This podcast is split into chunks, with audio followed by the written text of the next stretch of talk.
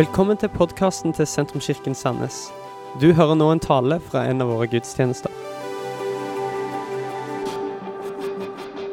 så er det fort gjort at vi begynner å se på oss sjøl og prøve å lufte standarden og hvordan jeg skal være i møte med andre. Og ja, jeg skal være mer kjærlighetsfull, og ja, jeg trenger å gjøre dette, og jeg må gjøre dette. Eh, Og Da er det så viktig at når vi snakker om å vokse og modnes i kjærlighet, og at det får lov å være utvikling i livet vårt, så er det dette som Inger Elisabeth har sunget her, som er hele fundamentet. En kan elske fordi han har elsket meg først. Skal vi snakke om kjærlighet, så må vi forankre det i der som kjærligheten kommer fra. Og kjærligheten den kommer fra Gud. Kjærligheten ikke bare kommer fra Gud, men kjærligheten er Gud. Og I hele vår forståelse, kristne forståelse av hvem Gud er, så ligger kjærligheten innbakt til meg inn i Guds vesen. At Gud er både én og han er tre, og at kjærlighet fins allerede i Gud som, eh, som, som kjærlighet den, eh, i den treenige Gud. Og det får vi lov å leve ut eh, i vår hverdag og i våre liv, og det er vakkert. Denne søndagen her så er overskriften er å vokse i kjærlighet.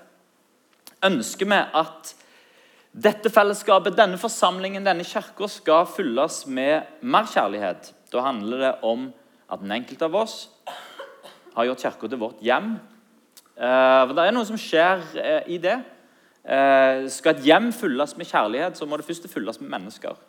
Eh, så, så, og at det der, der fins en eh, det finnes en forpliktende relasjon i utgangspunktet. Og I forpliktende relasjoner så kan en vokse, og der kan en modnes.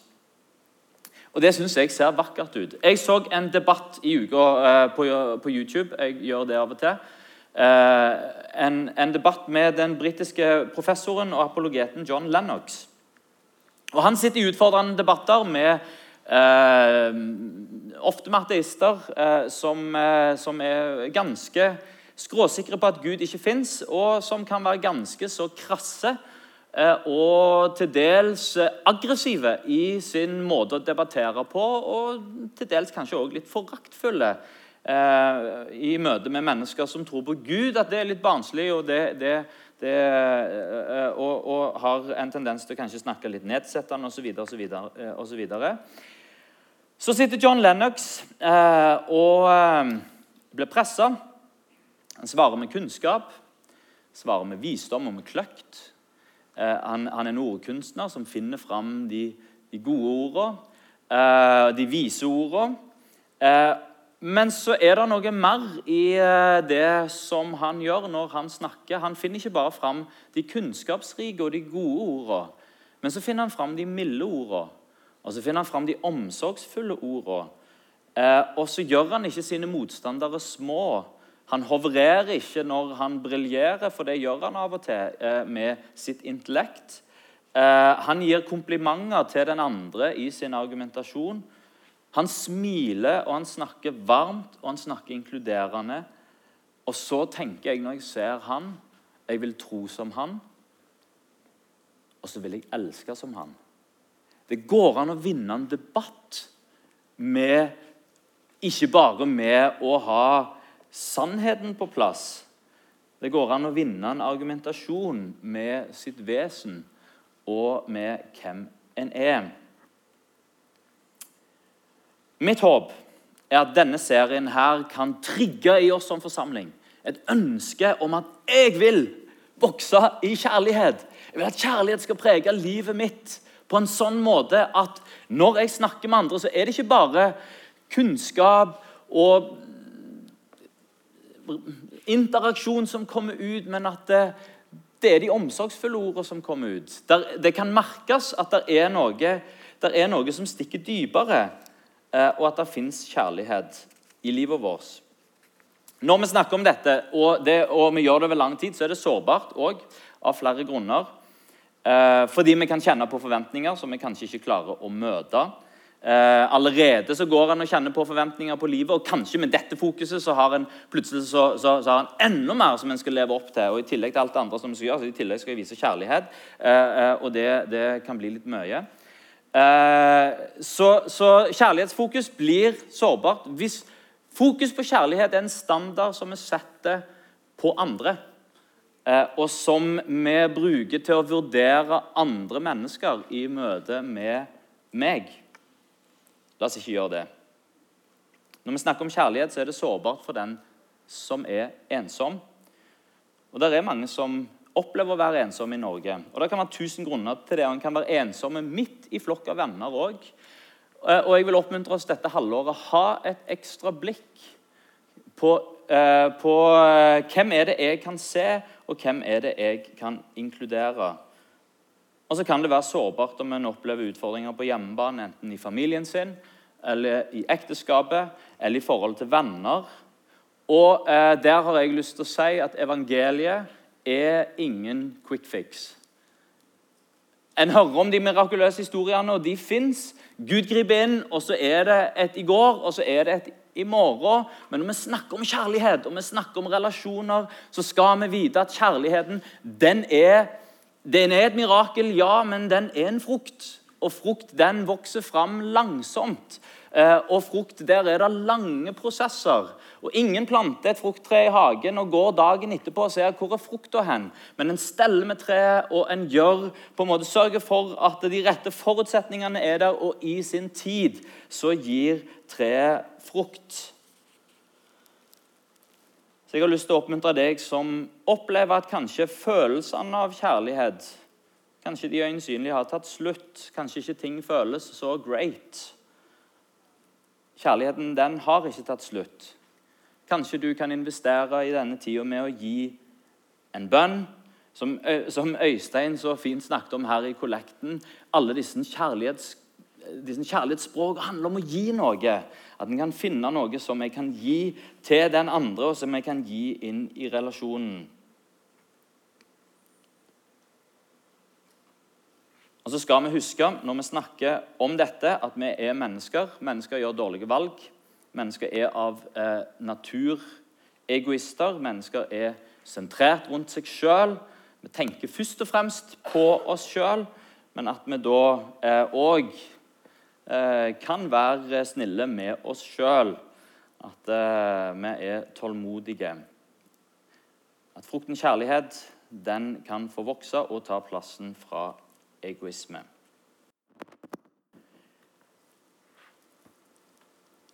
Sist uke, uke snakket vi om, eh, om, eh, om kjærlighet som, eh, som, vokser gjennom bønn.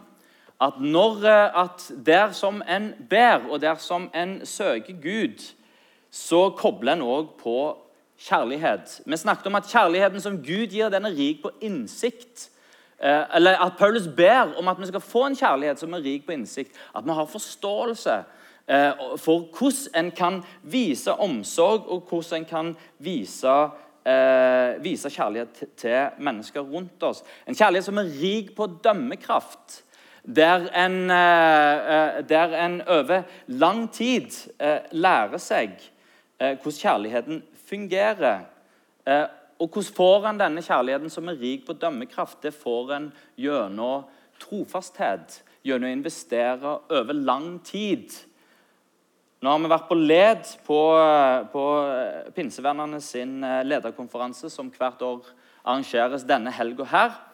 Eh, og vi har hatt om å forandre samfunn og forandre mennesker. Og eh, Fokuset for hele konferansen har vært hvordan gjør vi dette her? Jo, det skjer gjennom et trofast nærvær.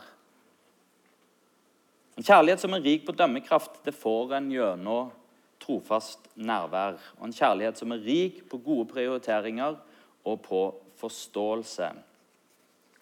Hvordan vokser denne kjærligheten? Det skal vi se på i dag. Og vi skal lese fra Johannes eh, kapittel 15 og vers 1 og til og med vers 17.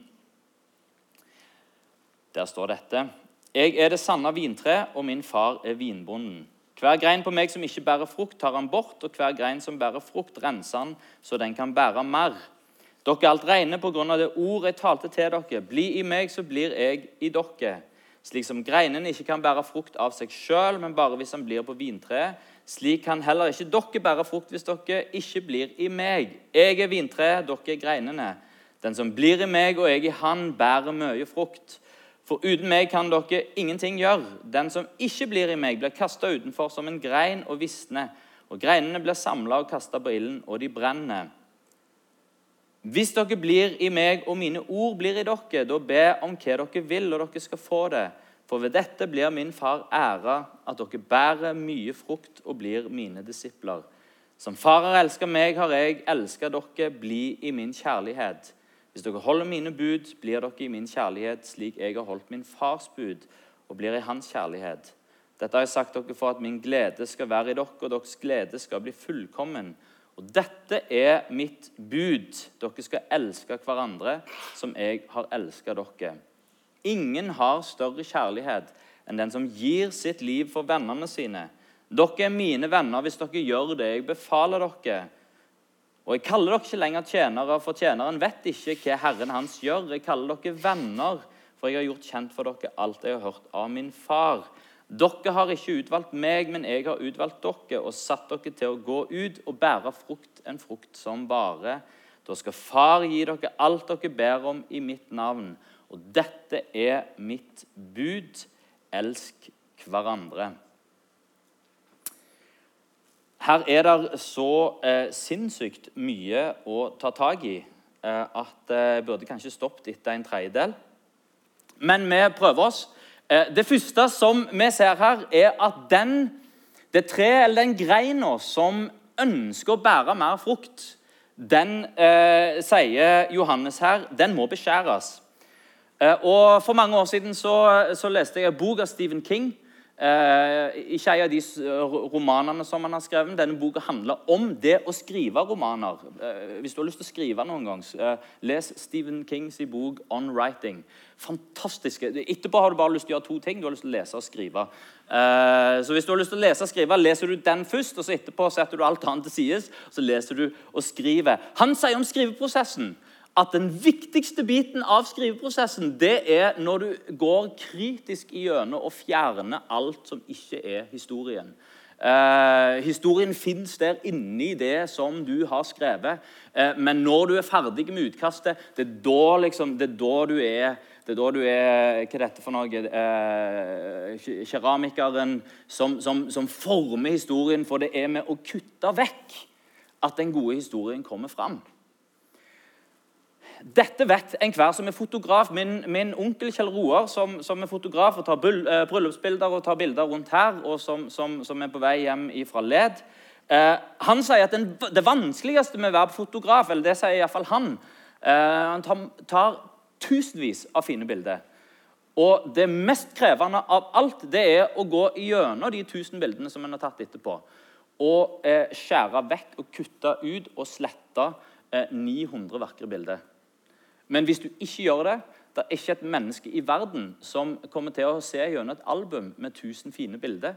Ikke engang 100 fine bilder. Du trenger å kutte det ned til 20. Eh, og hele den prosessen den er smertefull. Derfor er jeg sikker på at alle her inne som har en iPhone med bilder på, så har ikke du, du har ikke en, en, sånn billedstrøm som du kan vise til noen. For det, det, kommer 20 bilder først fra akkurat det samme motivet der. Og så kommer det 20 bilder til fra et helt likt motiv. Og er det bare, og det er umulig å finne fram, for det er bare, det er bare hundrevis av bilder av de samme tingene. For vi tar oss ikke tid til den smertefulle prosessen det er å slette masse vakre bilder. Men det må til hvis en vil, eh, hvis en vil ha fram det virkelig vakre. Og du skulle bare visst hvor lange og kjedelige eh, Det syns du kanskje allerede, men hvor mye lengre og kjedeligere disse prekenene på søndag hadde vært hvis en ikke hadde gått drastisk til værs. Jeg, jeg, gir eh, Ikke for ofte, men jeg gir av og til mine eh, manus til Vesna. Går gjennom det, og så eh, Vesna som økonomi eh, og spør eh, hva hun ville tatt vekk. Og som regel så ville hun tatt vekk nesten alt. Vekk med det. Nei, nei det, er ikke, det, er ikke, interessant. det er ikke interessant. Nei, Kutt ut. Her er det for mye. Og så, og så sitter en igjen med, med, med, med, noe som hun syns eh, er greit. Og da blir det gjerne bedre.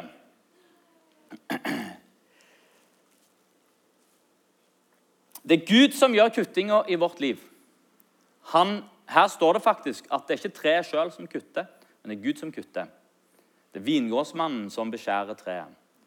Eh, å være ei grein på det treet handler om å la seg beskjære. Jeg har hørt det blitt sagt av eh, flere eh, som er eldre enn meg, og jo eldre jeg sjøl blir, jo mer tror jeg på det, at Gud er ofte, og kanskje nesten alltid, mer opptatt av å forme livet vårt gjennom det som skjer, enn å bruke oss gjennom det vi gjør. Uh, og En har gjerne en tanke om at det, mm, jeg skal være med å forandre verden, og Gud skal bruke meg til noe stort og store tanker om sitt eget engasjement. Og så kanskje, når en ser i retrospekt, så var kanskje Gud mer opptatt av å forme deg gjennom det som skjedde. Sist søndag så, så, så delte jeg om min tur til India når jeg var 20. Eh, der var det masse interessante ting som, som, skjedde. Jeg var der som misjonær. Jeg var opptatt av å være i India fire måneder for at Gud skulle bruke meg som misjonær til å nå India. Jeg prekte for første gang, jeg ba for syke for første gang. Eh, eller iallfall på den måten, og lærte meg å forholde meg til andre kulturer. Eh, sånn skikkelig over lengre tid for første gang. Lærte fleksibilitet, lærte noe om chili eh, og, og rice and dal. Eh, og eh, hørte Gud snakke om framtida. Og Gud lærte meg noen lekser om kjærlighet til både steder og til mennesker. Eh, jeg var ikke i India for å bli forma som menneske. Jeg var der på et oppdrag som misjonær. Men hvis jeg skal være ærlig og se tilbake på hva som kom ut av det, så tror jeg ikke Jeg, jeg tror jeg kan si med ganske trygg forsikring at India ble ikke forandra av at Per Eivind Kvamme for Sandnes var der i fire måneder. Eh, jeg, eh, hvis jeg skal være virkelig slem med meg sjøl, så tror jeg alle jeg møtte der, har glemt meg. Kanskje med unntak av én person. Jeg tror kanskje det er én eller to som kanskje fortsatt ville huske i fall ansiktet mitt, og så ville streve etterpå med å huske hvor de hadde det ifra. Så, eh, så, India er glemt. Nei, eh, det, det, er ikke sant. Eh, per Eivind er glemt i India, men India er ikke glemt i Per Eivind. For det viktigste som skjedde de fire månedene der, var ikke alt jeg fikk gjort i India, men alt det som India fikk gjort med meg. Fordi Noen ganger er kanskje Gud mer opptatt av å forme oss enn å gjøre så mye gjennom oss. Når jeg var i India, så ble jeg beskåret med ti kilo. Kom hjem 61 kilo.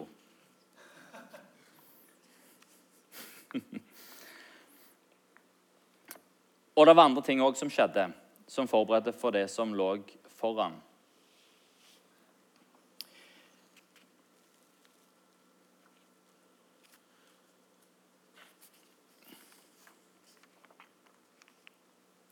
Så viktigere, viktigere, enn det Gud gjør gjennom deg, er kanskje det som Gud gjør i deg. Å la Gud beskjære deg eh, og forme deg.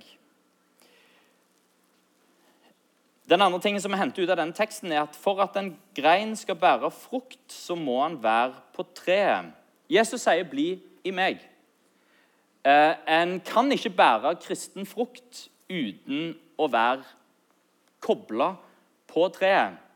Og Dette er jo et sånn vers som gjør det enkelt, eller som kan oppmuntre den som er kristen, til å hoverere litt og si ja, uten, hvis en vil ha tak på kjærlighet, da må en ha tak på troen og da må en ha tak på Jesus. Og Det er liksom gjennom det at en får tak på den ekte eh, kjærligheten. og Det er de kristne som er de gode menneskene, og så er det de som ikke er troende. Det, de er ikke så gode mennesker. De kan kanskje etterligne. Eh, jeg synes det, det kan, kan vi bare droppe med en eneste gang. Eh, der er Sjelden skal kristne mennesker hoverere. Eh, eller sjelden, aldri skal en gjøre det. Eh, og være snille med oss sjøl og si at sånn som dette er det ikke. Jeg syns det er trist å se måten Kjell Ingolf eh, Ropstad har blitt grilla på i, uh, i media uh, etter at KrF har gått inn i regjering. Og Han blir grilla på sin kristne tro. Og Han blir grilla på noen av sine moralske ståsteder som er kommet ut av hans kristne tro.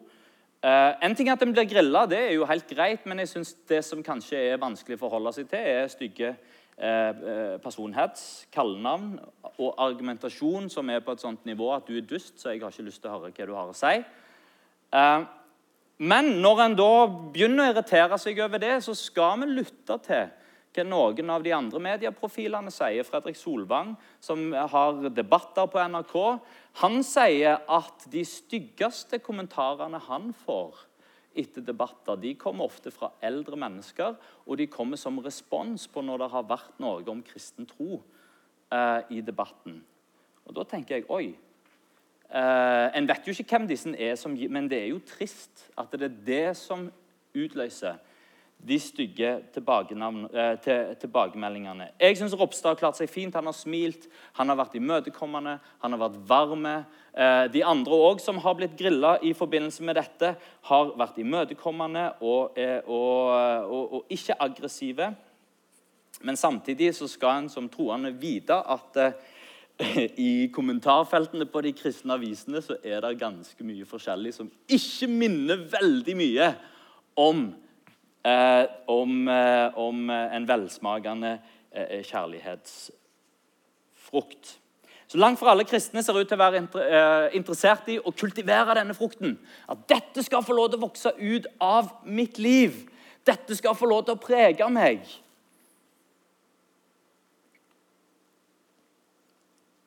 Samtidig som vi kan se at det er mye godhet, det er mye omsorg, om respekt og nestekjærlighet blant mennesker som ikke identifiserer seg med kristen tro. Det har blitt sagt at all sannhet er Guds sannhet, og det er sant. Jeg har lyst til å si all kjærlighet er Guds kjærlighet. Det er like sant.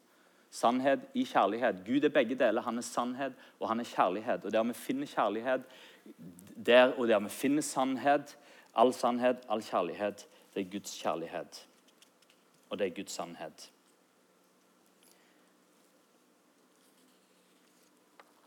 Hvis vi vil kultivere, Men hvis vi vil kultivere den frukten, så sier Jesus uten at dere er i meg, så kan dere ikke bære frukt. Det handler altså ikke om at jeg skal rive meg sjøl etter håret, at jeg skal bli litt bedre, at jeg skal skjerpe meg litt mer. Eh, og det gamle Det gamle, eh, det gamle eh, Eh, ikke slagordet, men eh, det gamle ordtaket eh, som vi har i Norge, at Gud hjelper den som hjelper seg sjøl. Det går ikke an å få det mer feil enn det. Gud hjelper den som ikke får det til sjøl. Og Gud er til stede der, akkurat som Inger Elisabeth sang om, der livet ikke fungerer når livet går imot meg, når ting er vanskelig Andre sa det når vi ba. Når, hvis vi opplever at det, å, jeg prøver å holde fast i livet, det, det, det, er vanskelig, jeg får ikke ting til Gud hjelper den som ikke får det til. Derfor sier Jesus uten at dere blir i meg, så kan dere ikke bære frukt. For det er der frukten kommer fra. Og Hva betyr det? Jesus fortsetter med å si hvis mitt ord blir i dere, og dere blir i mitt ord, da ber jeg om hva dere vil, og dere skal få det. Og Jeg kommer tilbake til det igjen og igjen. Jesus sine ord, Gud sine ord. Gud er logos. Gud er ord. Og, og, og dette er den store forskjellen på, på, på, Gud, sånn som forstår han gjennom Bibelen, og på, på mer østlige eh, religioner. Eh, Gud han er logos. Det går an å forholde seg til Gud. Det går an å forstå, fordi en bruker ord for å kommunisere med Gud, og Gud bruker ord for å kommunisere med oss. Jesus sier at himmel og jord skal forgå, men mitt ord vil aldri i evighet forgå. Det står fast til evig tid, og vi kan bygge livet på det. Så hvordan kan jeg bli? I Jesus jeg kan bli i Hans ord og la Hans ord få lov til å leve og bli i meg.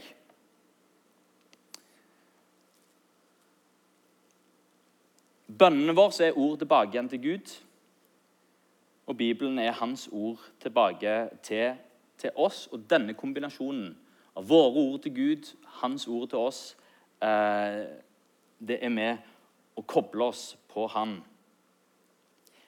Åpne opp sin bibel og lese sin bibel er en fantastisk vane. Og Det er en praksis og en vane for at kjærligheten skal få lov til å vokse. Det, det, det handler ikke om å få liksom, kristen quizkunnskap.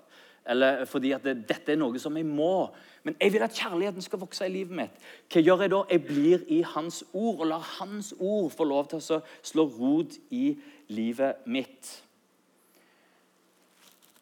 Den koptiske kirka i Egypt har hatt, en, uh, har hatt en aldri så liten fornyelse de siste åra. De opplevde en stund at det var mange fra si kirke som gikk til de protestantiske kirkene. Og Istedenfor å bli aggressive og si til, eh, til, til Det er 7-10 millioner koptere i, i, Egypt. 10% av Egypts eh, befolkning er koptiske kristne. Dette er verdens eh, eldste kirkesamfunn. Så istedenfor å da si til sine medlemmer nei, fy, fy, fy, det må dere ikke gjøre så, så, gikk mange av lederne til disse protestantiske menighetene for å se hva, hva er det dere driver på med som, som folk fra vår kirke syns er så attraktivt. Og En av de tingene som de fant, var hvordan de brukte Bibelen. Så den koptiske kirka bestemte seg for at det skal vi òg gjøre. Vi skal la Bibelen ikke bare være eh, en, en kirketing, men la det leve i hjemmet. Og Han som er pave i den koptiske kirka, pave Tavadros, han oppmuntre sin kirke til, oss, til å, med, med, disse ordene han sier Les alltid Bibelen. Og Så spør den tilbake ja, men hvordan gjør vi det. Jo, sånn en gjør det. En har en oppslått bibel i sitt hjem. Eh, hva sier en da for noen ting? Der ligger en oppslått bibel i hjemmet mitt. Det var der jeg slutta å lese. Og når jeg setter meg ned, så tar jeg den opp og så fortsetter jeg å lese. Da handler det ikke om hvor mye du leser, men det handler om at du aldri slutter å lese. Og der er en oppslåtte bibel i hjemmet ditt. La Bibelen og la Jesu ord få lov til å leve i hjemmet vårt. Det vokser da kjærlighet eh, ut ifra. Og Vi setter preg på våre hjem med møblene våre. Eller det vil si, det gjør vi vel eh, nesten ikke, for Ikea setter preg på hjemmet vårt med sine møbler. Og vi er veldig flinke til å plukke ut pluss-minus de samme møblene, sånn at det der er pluss-minus det samme preget for alle sammen. Men så har vi nå iallfall noen, eh, noen bilder på veggen som vi kanskje òg har henta på Ikea. Som, eh, men, men eh, greit nok. Så har vi familiebilder som setter preg. Og vet du, dette er jo en ting La oss tenke litt interiør på det. Bli i Hans ord. En oppslått bibel i vårt hjem sier noe om prioriteten i hjemmet, og at vi vil bli i Han og la Hans ord bli i oss. Ikke som skryt, men som en påminner til hele hjemmet om at her slutter vi ikke å lese Hans ord. By the way, Denne uka her så er, eh, så er, der, eh, det bibeluka i Sandnes, som, eh, som de fleste menighetene er med på. som vi òg er en del av. og Der kommer det til å være maratonopplesning av Bibelen eh, nå eh, mot helga i Sandneskirka. Eh, så hele Bibelen blir lest gjennom i Sandneskirka i løpet av denne uka.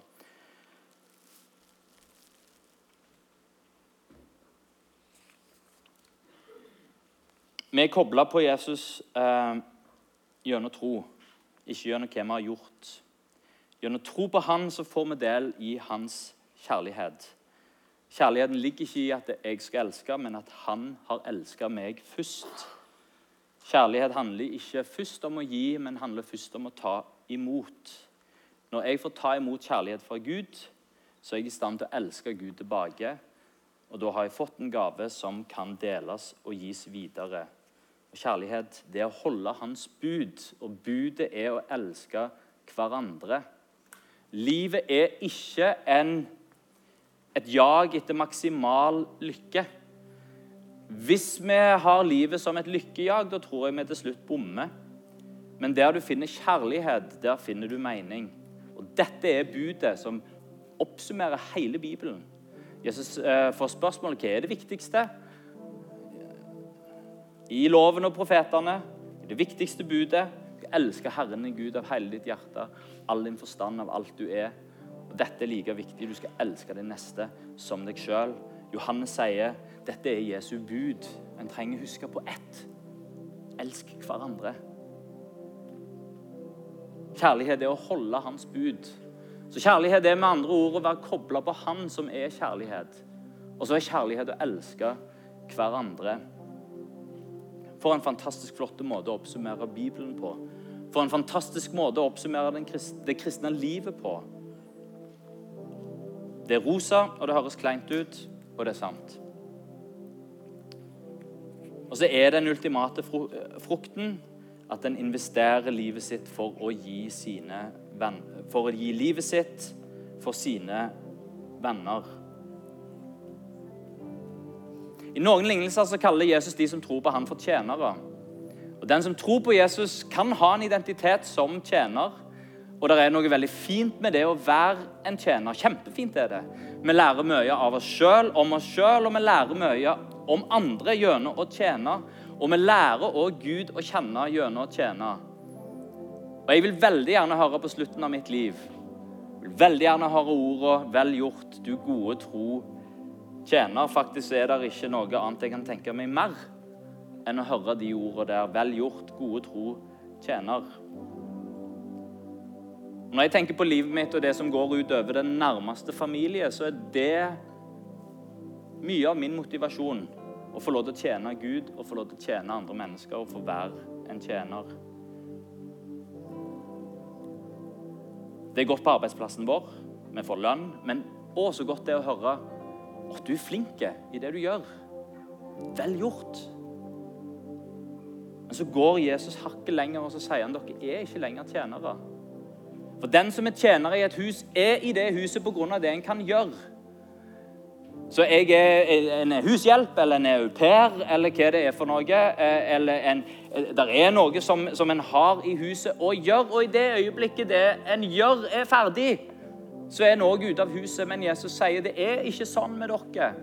Dere er ikke her inne i huset pga. det dere gjør. Dere er ikke mine tjenere, men dere er mine venner. Og så tar han det ett hakk lenger. For i jakten på vennskap så tror jeg det er flere av oss som har opplevd at en, en prøver å fiske et vennskap en plass. Nå kommer ikke jeg på hva han heter i, eh, i Solsidan, men, men det er en figur i Solsidan, eh, denne serien fra Sverige, som, som, som alltid henger seg på. Hæ? Ove er det jo selvsagt. Eh, som, som, ingen egentlig har lyst til å være med, men som alltid klarer liksom å slenge seg med, og som blir en del av gjengen. Og i mitt hode det må jo være det, det, må være det verste. Å ha en mistanke om at jeg er med i denne gjengen, men det er egentlig ingen som har lyst til å ha meg her. Jeg har valgt denne gjengen og prøver å være en del av denne gjengen. Og så sier Jesus at sånn er det ikke med noen av dere, for dere har ikke valgt meg, men jeg har valgt dere. Og så kan en bare slappe helt av.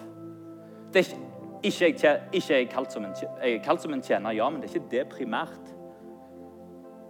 Og så er det ikke jeg som har valgt Gud engang, men det er han som har valgt meg. Men slapp, slappe helt av. Ingen har større kjærlighet enn den som gir sitt liv for sine venner. Gud er kjærlighet, og hans kjærlighet til menneskeheten kommer til uttrykk gjennom villighet til å gi sitt liv. Når Jesus hang på korset, rakte ut sine armer, så gjorde han dette som er den største kjærligheten. Ga og tømte ut sitt liv for ikke menneskeheten, men for sine venner. Menneskeheten, ja. Sine venner. Han var ikke bare villig, men han gjorde det. Han gjorde det på et tidspunkt i historien. Han bar ditt kors, han bar mitt kors. Han bar din synd, han bar min synd. Vår skyld, vår skam, vår straff, vår utilstrekkelighet. Det som ikke er så stolt av, det som bringer oss i trøbbel. Alt det bar han. Så ga han sitt liv for sine venner. Og så ble han en ny type helt. Ikke helten som skal gjøre sitt navn stort, men den som gir livet sitt for sine venner.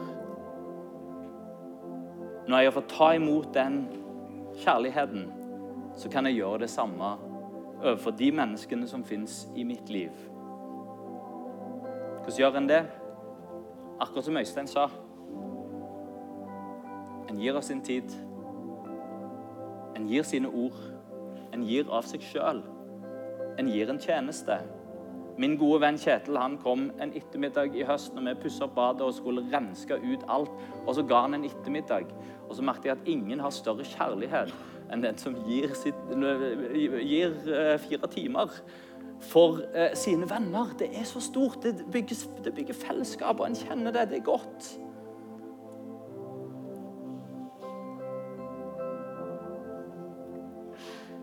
Og frukten er at, som vi bærer, er å være andre til nytte.